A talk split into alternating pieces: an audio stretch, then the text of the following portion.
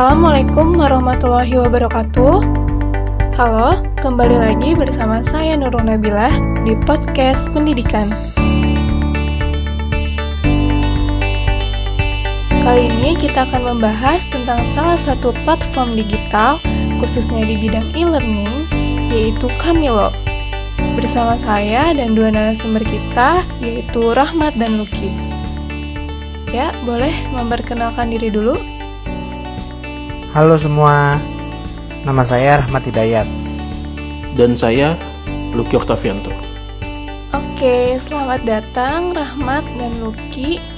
Baiklah, langsung aja kita ingin tanya-tanya, apa sih sebenarnya Kamilo itu?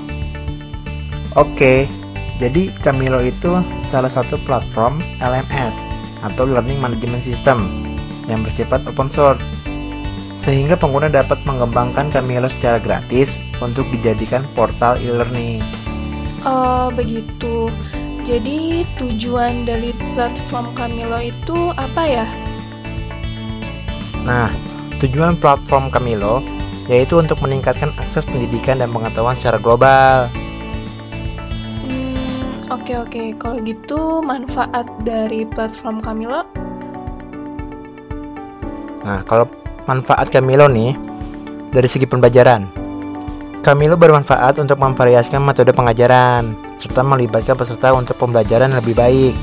Nah, kalau dari penggunanya nih, Camilo bermanfaat untuk menyediakan komunikasi yang terbuka dan mudah diakses serta menciptakan kolaborasi yang lebih mudah antar pengguna. Gitu. Wah, begitu ya. Kalau untuk fitur-fitur yang ada di dalam platform Camilo, kira-kira ada apa aja ya? Nah, fitur-fiturnya nih ya di Camilo nih. Pertama, kursus secara online. Kedua, social network untuk berkomunikasi dengan pengguna lain. Jadi, para pengguna lain bisa chatting-chattingan berkomunikasi lewat Camilo.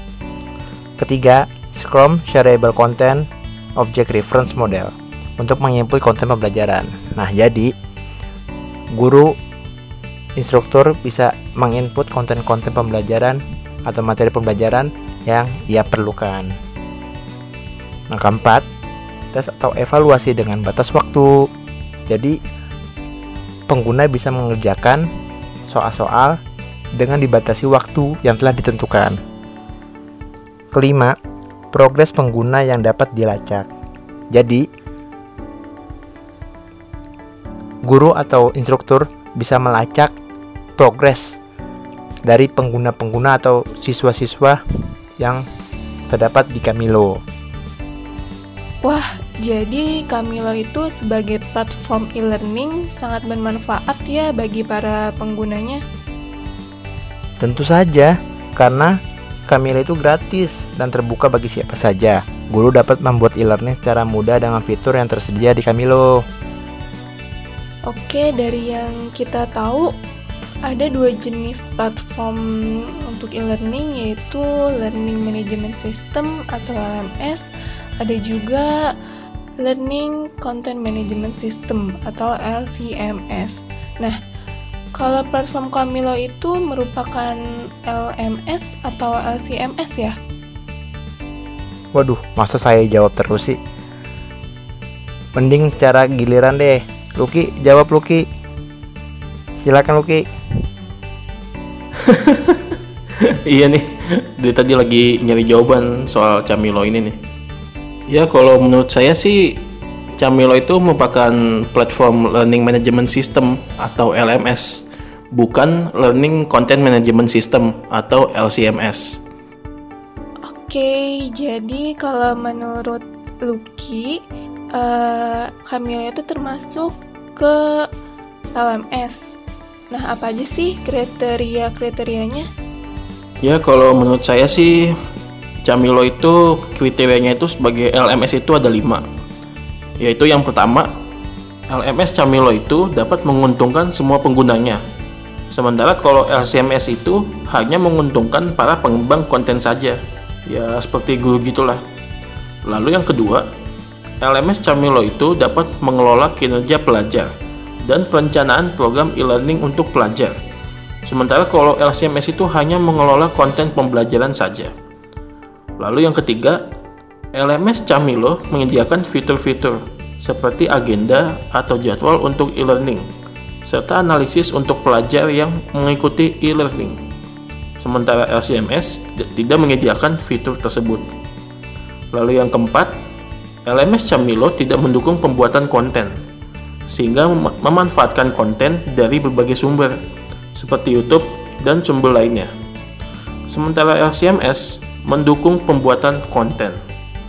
Dan yang terakhir, LMS Camilo tidak dapat mengembangkan navigasi untuk konten, serta tampilan pada platform, sehingga LMS Camilo itu hanya dapat memanfaatkan fitur yang tersedia sementara LCMS dapat mengembangkan fitur-fitur tersebut. Wah, jadi banyak juga ya kriteria Camilo merupakan LMS itu? Ya, tentu saja.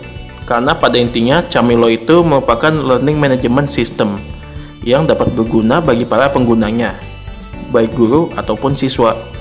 Sementara kalau LCMS itu hanya berfokus pada guru saja sebagai pengembang konten.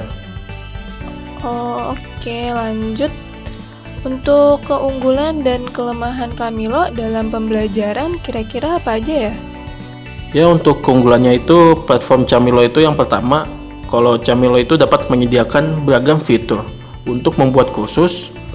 Lalu yang kedua itu Camilo itu memudahkan dalam membuat kuis, tugas-tugas dan bahan pembelajaran lainnya. Lalu yang ketiga, interface atau tampilan dari Camilo itu lebih mudah dipahami oleh para pengguna. Yang keempat, Camilo itu bisa diintegrasikan dengan platform LMS lainnya seperti Moodle, Joomla, dan lain-lainnya. Lalu yang terakhir itu Camilo itu dapat diakses melalui ponsel ataupun tablet. Sementara kalau menurut saya itu kelemahannya itu ya sebenarnya cuma satu ya, yaitu harus terhubung dengan internet saja gitu. Soalnya kalau Camilo ini sebenarnya sudah cukup efektif dalam melakukan proses pembelajaran, baik bagi guru maupun siswanya. Wah, jadi seperti itu para pendengar salah satu platform e-learning Camilo yang dapat diakses gratis dan mempunyai banyak manfaat bagi penggunanya dalam melakukan proses pembelajaran. Oke, sebelumnya saya mau berterima kasih dulu kepada dua narasumber kita ini yang telah memberikan pengetahuannya tentang Camilo. Ya, sama-sama. Sama-sama. Oke, sekian para pendengar. Demikian acara podcast pendidikan kali ini. Semoga bermanfaat bagi kalian semua. Wassalamualaikum warahmatullahi wabarakatuh.